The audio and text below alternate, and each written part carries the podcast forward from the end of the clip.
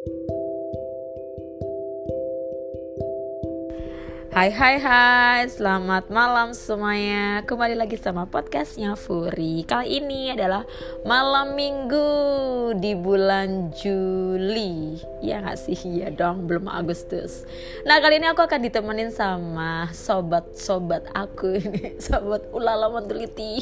Itu dengan sama Mbak Yulina. Hai Mbak Yulina, sapa dulu dong. Halo, selamat datang di Posket Posket pula, podcastnya Furi. Aduh, kelihatan banget kan amatiran kalau misalkan baru pertama kali ikutan podcast Hai ya, kali ini adalah temanya tentang membahas patah hati. Di sini pernah patah hati? Ngacung semuanya, termasuk yang membacakan ini. Jangan ditanya, say. patah hatinya banyak pengalamannya.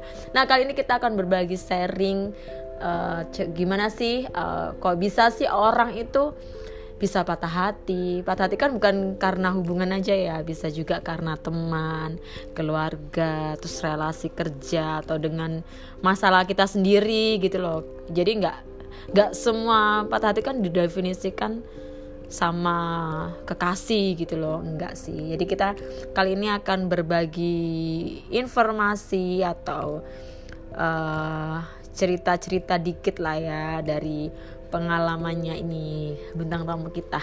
Yang menemani saya nih Mbak Yulina. Mbak Yulina saya mau tanya nih tanya.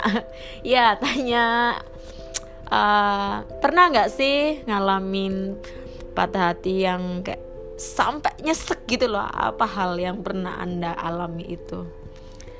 Uh, pasti sih ya nggak mungkin nggak mungkin setiap apa maksudnya setiap orang pasti pernah ngalamin patah hati yang sangat sangat sangat sangat sakit gitu. Sampai rasanya tuh kayak susah susah buat sembuh susah buat menerima. Kalau ditanya pernah ya pasti pernah gitu. Tapi kalau ditanya sudah sembuh atau belum untuk saat ini 100% saya yakin kalau saya sudah sembuh. Alhamdulillah. Untuk Mbak Furi gimana nih Mbak Furi saya aduh banyak. Saya patah hati yang semacam apa nih patah hatinya? Patah hati itu uh, banyak. Kalau dari Mbak Yulinar tadi kan tiap orang pasti pernah mengalami ya gitu. Pernah juga uh, rasanya tuh kayak masih belum bisa menerima. Ada masih yang sudah healingnya sudah benar-benar pulih gitu kan. Jadi jadi orang kan nggak bisa sih dikatakan kayak kamu lemah wanita itu kan nggak lemah gitu loh kan. Kita kan punya caranya masing-masing gitu kan. Kalau saya ya pernah dong jangan ditanya dong. Dari patah hati sampai uh sana sini sini gitu kan ya. Patah hati apa nih? Patah hati relationship atau patah hati sama temen? Patah hati yang mana dulu nih? Kalau kebanyakan itu sih apa ya uh, sama uh, relationship gitu kayak apa ya uh, jadi nggak tahu kenapa dari sekian patah hati itu juga yang biasanya antara teman sama relationship aja gitu. Kalau teman itu lebih ke dia apa ya nggak bisa nerima kita gitu loh kan kayak misalnya dia apa diajak dengan perkataan yang menyakitkan hati itu kayak langsung potek hati adik. Potek hati adik adik siapa? Nih adik siapa? Adik siapa ya? Adikku banyak kan kamu adik saya. Oh, ini adik adik anda ya. Aduh, kok jadi gelan? Maunya serius sih. Nah, ya tapi uh, karena temanya kan lagi melo jadi nggak usah yang melo-melo banget lah ya. Kan kita wanita independent jadi strong independent. maksudnya gitu. Siapa lagi nih ya kita. Ya aku masih uh, cari tahu sudah ya dari patah hati ya hmm. gimana cara mengatasinya Mbak Yulinar bagi anda. Kan banyak cara gitu kan. Salah satu cara yang efektif dan plus tos apa plus celang gitu ya kayak kayak lega lah gitu. Loh pertama pertama sih pasti menerima ya. Uh, klasik sih memang menerima.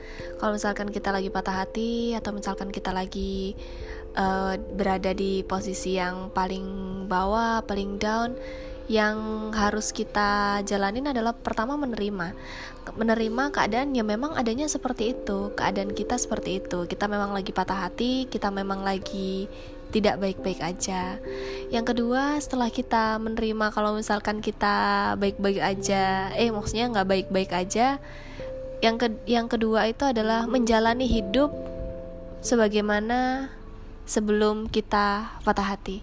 Jadi kita berusaha untuk menyamakan maksudnya ya udah biasa aja. Jadi nggak seperti nggak ada yang berubah gitu.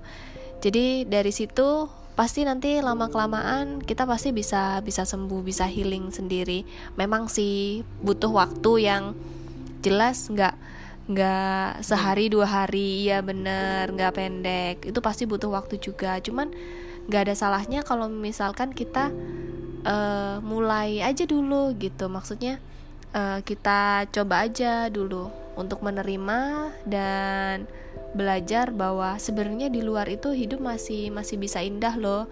Kalau kita nggak nggak bisa bahagia sama dia kita bisa bahagia sama orang-orang yang lain. Yang penting harus tetap positif gitu. Dan yang terakhir uh, serahkan semuanya sama Allah. Tetap berdoa dan ikhtiar bahwa Allah itu pasti janjinya itu nggak mungkin salah. Maksudnya janjinya itu pasti tepat gitu. Applause oh dalam banget ya tadi. Yang dikatakan itu benar semua guys gitu kan. Jadi dalam hidup itu nggak selamanya orang itu kan hidupnya mulus-mulus aja gitu kan.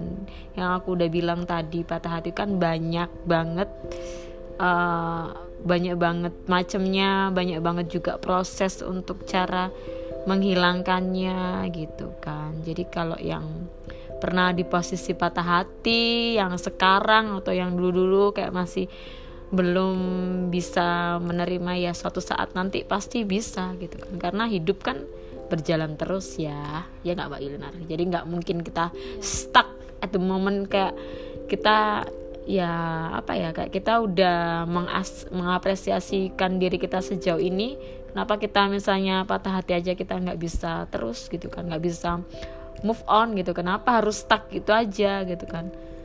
Karena pasti Tuhan juga uh, nentuin uh, apa takdir hidup orang kan uh, beda-beda ya. Mungkin kita dikasih ujiannya pada saat itu seperti itu. Jadi kita Allah itu masih sayang sama kita jadinya lebih baik terus menjadi pribadi yang lebih baik terus gitu aja sih guys. Iya betul banget. Yang penting adalah uh, keep going.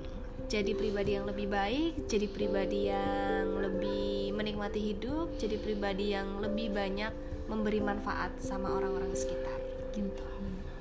Jadi jangan kayak apa dibilang ya dalam kesedihan. Benar-benar. Jadi apa ya easy going aja lah. Ya. Kita kan pernah juga eh, nggak uh, baik-baik aja. Emang hati kita kan nggak baik-baik aja untuk dipaksa baik pun nggak bisa gitu karena memang sedang nggak baik-baik aja itu nggak apa-apa. It's okay. Itu adalah the process of life ya ya uh, maksudnya proses kehidupan untuk kita menjadi lebih bijak lagi lebih dewasa lagi lebih mateng lagi pikirannya gitu lebih berhati-hati lagi dalam memilih sana apa memilih masalah gitu kan memilih apa pun itulah bentuknya gitu ada nggak satu kata motivasi untuk menutup perbincangan kita buat teman-teman yang memang lagi nggak baik-baik aja. Waduh, Boleh kata, dong Mbak Yulinar apa kata-kata kayak gitu. Apa nih kata-kata motivasi apa nih ini kalau di dibilangin dibilangin kata-kata motivasi kalau misalkan saya nih ya kalau saya pribadi nih Ya iya uh, yang kan yang Anda pegang mantra. sampai selalu ya mantra Anda sampai kalau sampai saat ini hmm. yang bikin saya itu kuat untuk menghadapi masalah, saya selalu ngomong You are strong, you are beautiful, you are smart, and you are independent girl. So let's do this. Gitu. Jadi, jadi saya menanamkan ke diri saya tuh bahwa saya itu kuat, saya itu pintar, dan saya itu cantik. Saya juga adalah wanita yang independen. Jadi, ayo kita sama-sama pasti bisa. Gitu. Yeah. Oh my god. Ya bener bagus banget kata-katanya. Kalau dari saya. Uh, yang saya pegang sampai sekarang itu apa nih yang saya pegang sampai sekarang itu uh, janji Tuhan itu pasti gak akan uh, apa beringkar. Jadi kalau misal kita dikasih ujian ya memang waktu waktu itu kita memang dikasih ujian sama Tuhan. Tapi ingat janji Tuhan itu pasti nggak ada yang enggak jadi uh, tetap percaya sama ikhtiar kita ke Tuhan gitu sih guys. Oke okay, terima kasih mendengarkan podcastnya Furi malam ini. Sampai berjumpa lagi di next episode. Bye